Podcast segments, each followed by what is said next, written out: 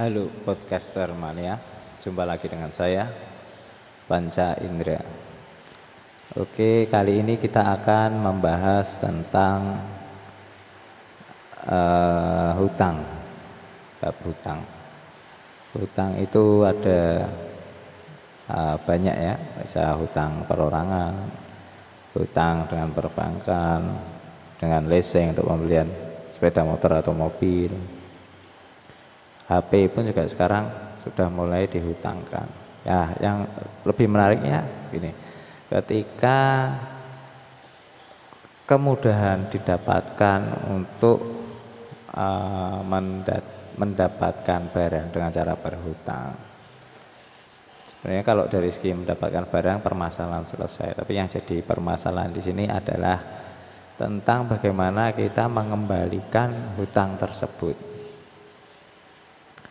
Nah, jadi permasalahannya sering ditemui dengan pelaku lembaga pembiayaan baik itu dari perbankan, dari leasing, koperasi BPR, bank umum itu kendala mereka adalah ketika kredit ini sudah tersalurkan nah justru permasalahannya dimulai ketika harus mendapatkan kembali dana yang sudah mereka keluarkan dalam bentuk angsuran. Seperti ya, dalam hal ini seperti angsuran kalau kita mencicil kendaraan yang setiap bulannya ada yang 700 ada yang satu juta juta bahkan sampai 5 juta untuk angsuran mobil per bulan kemudian ya, didapat. Tapi ketika mengembalikan ini ya, ini yang jadi inti permasalahannya ketika kita mau mengembalikan. Sumber permasalahan utamanya di mana? Yaitu ketika kita mengajukan pinjaman, kita itu tidak mempertimbangkan kemampuan bayar. Sumber utama di sini adalah tentang kemampuan bayar kita. Kita setiap kali melihat uh, barang baru, keluaran baru, motor itu kan juga keluar terus. Dalam satu tahun bisa berapa kali seri itu keluar. Nah, kalau kita tidak bisa mengontrol keuangan ya, ketika ada yang keluar pengennya ganti, ingin dapat yang baru, apalagi bersaing dengan teman atau tetangga. Ya itu yang justru penyakit utamanya di situ. Ketika kebutuhan kita masih kurang dari pendapatan kita belum tercukupi dengan baik tidak ada pasif income terus kita memberikan diri membeli barang-barang tersebut dengan kredit. Tapi kita lupa mengkalkulasikan berapa sih kemampuan bayar kita Ketika seseorang digaji 3 juta, ini sebuah ilustrasi ya.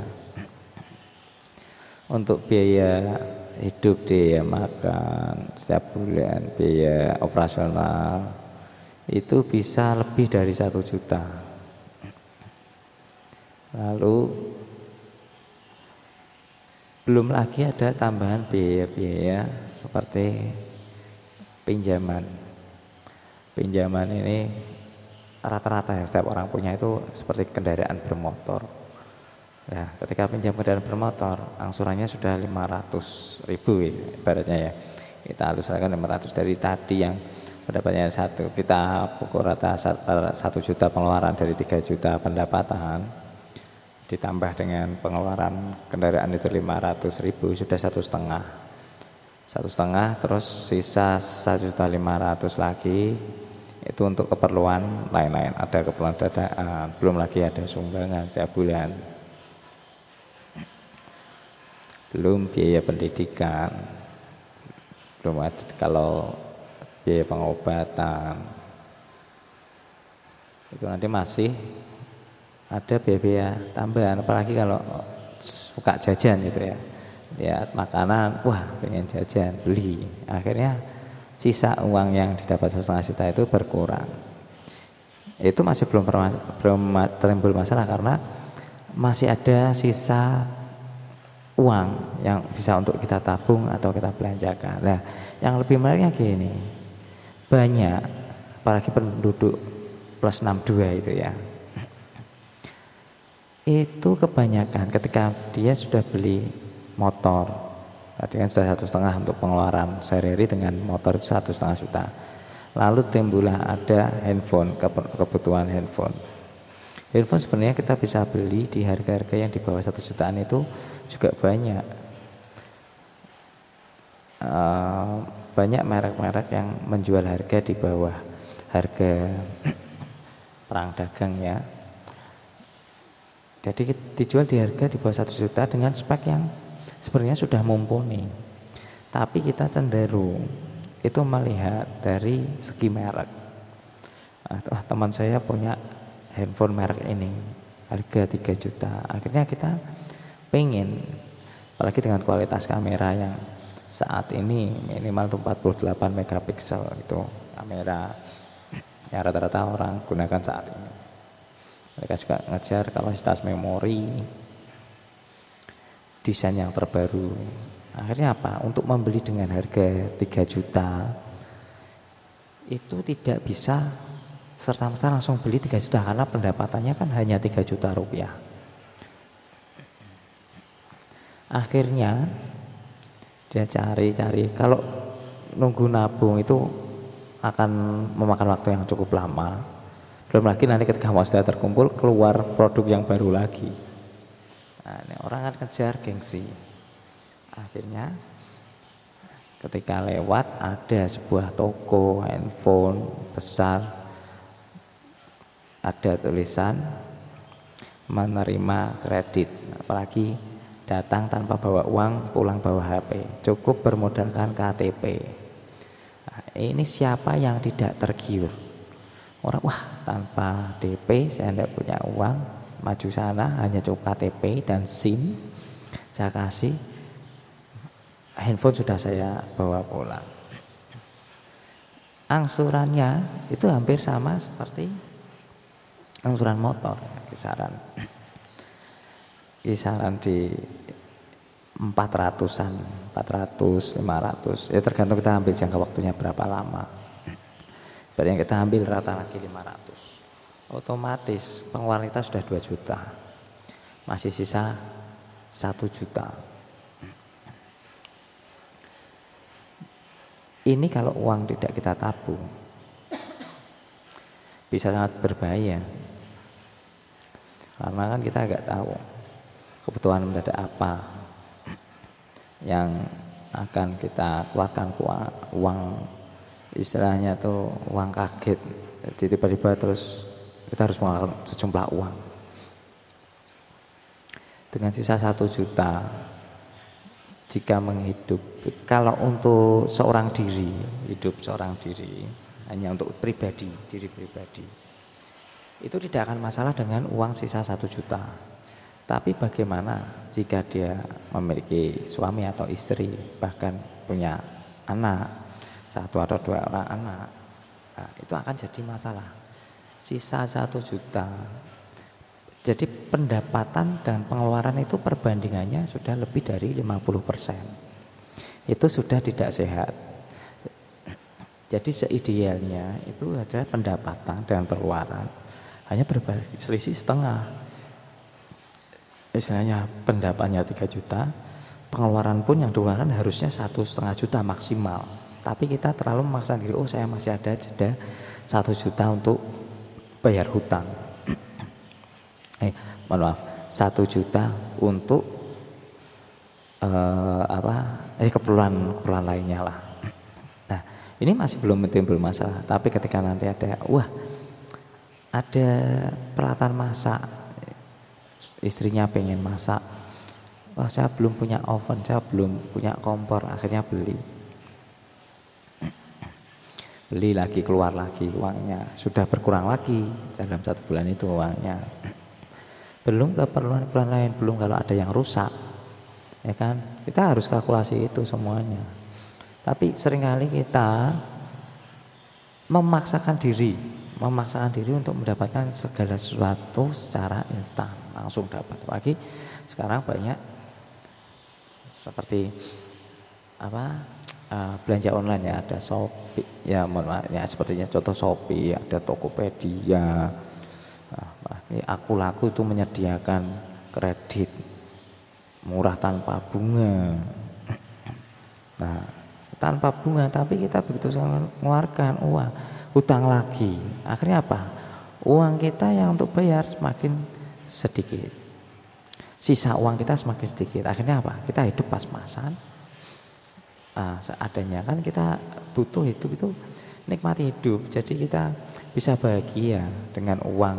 Masih ada sisa yang cukup kita hidup bisa bahagia. Tapi kalau sudah mepet seperti ini itu tadi ya beratnya tadi belum ada keperluan lain lah.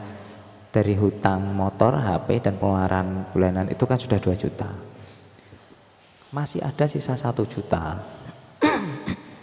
Tiba-tiba di bulan ini kita harus mengeluarkan uang sejumlah satu setengah juta. Akhirnya apa? Kurang 500 ribu kan? Kita cari pinjaman lagi tempat lain.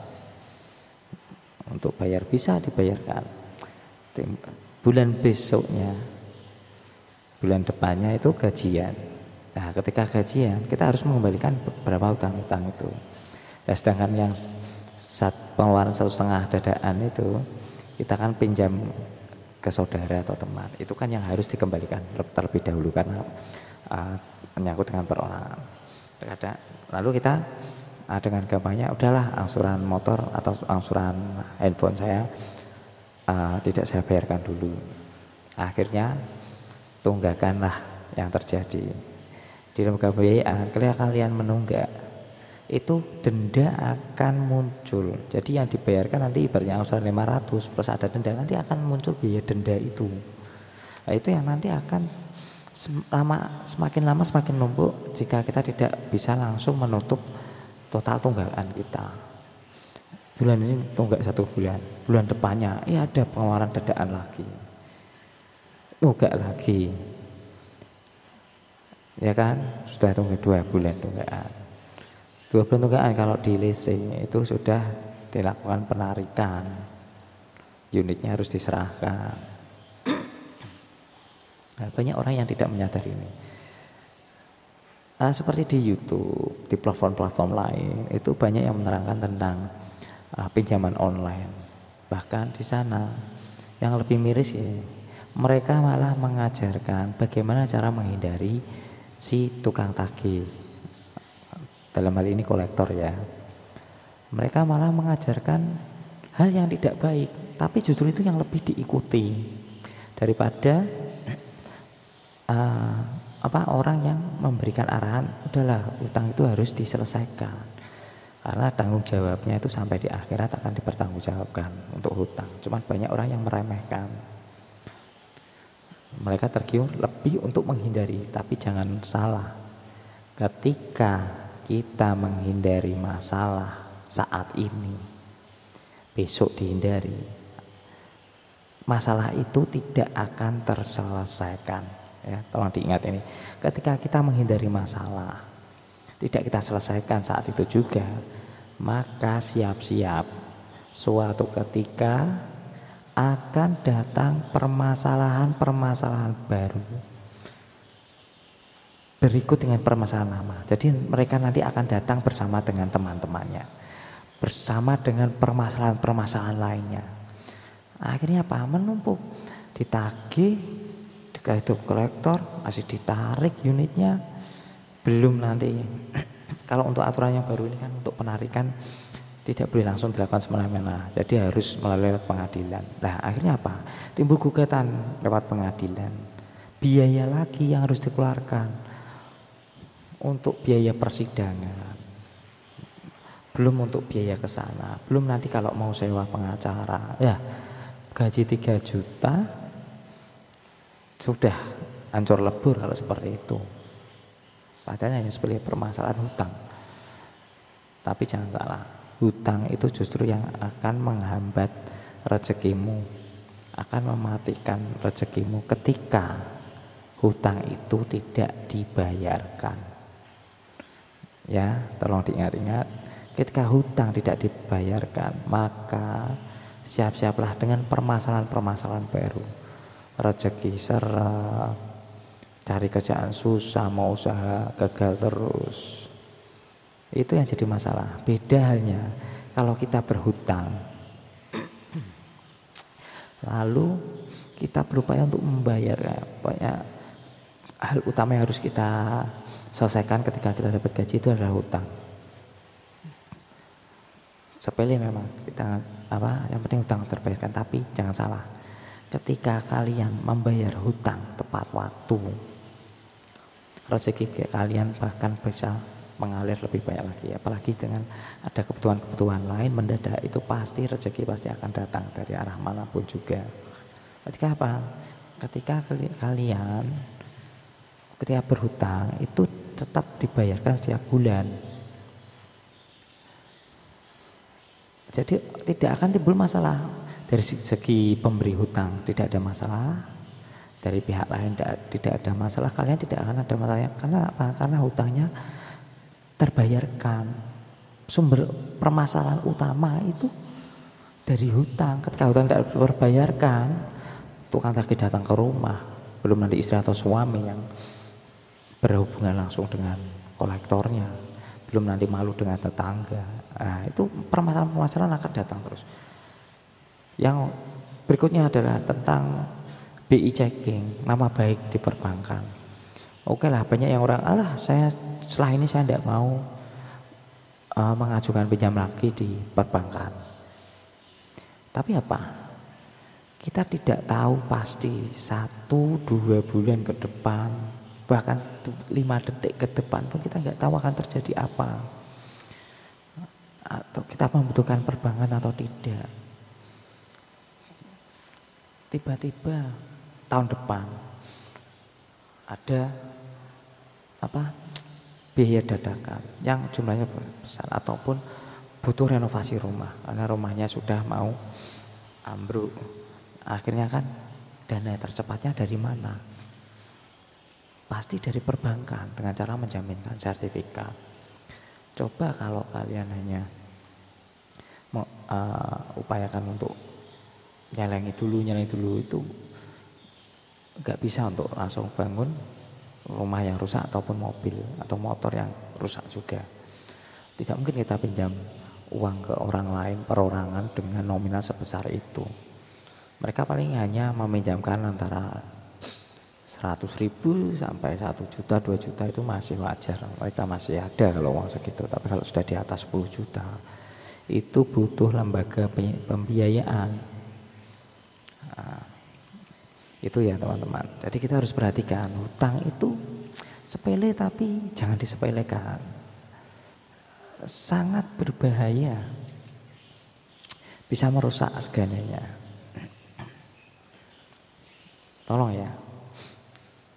Saya hanya uh, menghimbau saja, mengarahkan ini semua kembali ke diri diri diri teman-teman semua lama lapangan dengar podcast Ini semua kembali ke diri kalian. Kalian mau tetap berkomitmen untuk menyelesaikan hutang atau lari. Nah itu semua saya kembalikan. Bukan saya memihak dari perbankan, memihak dari debitur. Nah, saya di sini hanya memberikan arahan saja. Semua kembali ke rekan-rekan semua yang memiliki hutang, mau dibayar atau tidak. Kalian sudah siap menanggung resikonya.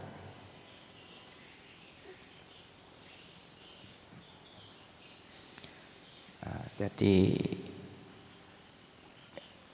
uh, jika ingin ditanyakan bagaimana cara menyelesaikan hutang, bagaimana apa menyelesaikan hutang-hutang itu sebenarnya intinya dari sumber penghasilannya kita.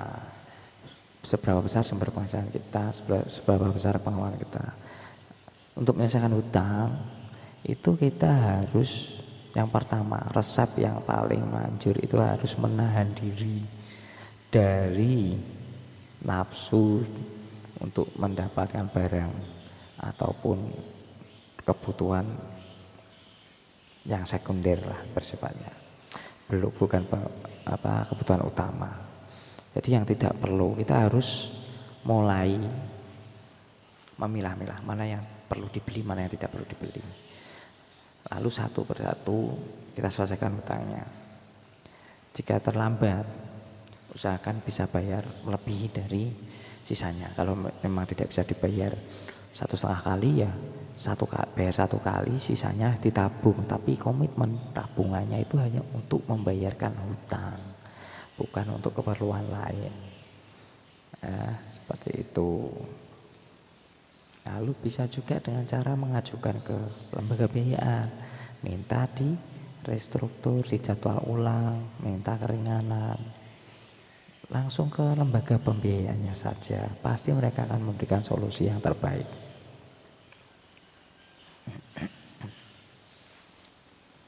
Berbijaklah, bijaklah dalam berhutang. Jadi jangan mengikuti hawa nafsu, Berhutanglah ketika kalian benar-benar membutuhkan untuk hutang. Tapi saran saya hindari hutang agar hidup tetap bahagia. Selamat mendengarkan podcast dari saya. Jika ingin ada yang sharing-sharing atau ingin bertanya tentang hutang atau ada permasalahan hutang bisa menghubungi saya di email saya panca dot arditia at gmail.com Arditianya tulisannya A R D I T I Y A. Panca dot arditia at gmail.com silahkan kirim uh, pesan melalui email. Ataupun jika membutuhkan nomor handphone saya bisa menghubungi lewat email. Nanti saya akan balas di email tersebut. Saya berikan nomor handphone. Tidak saya berikan di sini karena takutnya nanti ada banyak yang kontak-kontak yang di luar dari permasalahan. Selalulah bijak dalam mengelola keuangan. Oke, sampai di sini dulu. Saya dengan Manca Indra. Ikuti, follow, share, komen. Jika ini memang bermanfaat. Barangkali ada teman yang membutuhkan, bisa saling berbagi. Oke, terima kasih. Salam dahsyat dan sukses selalu. Bye bye.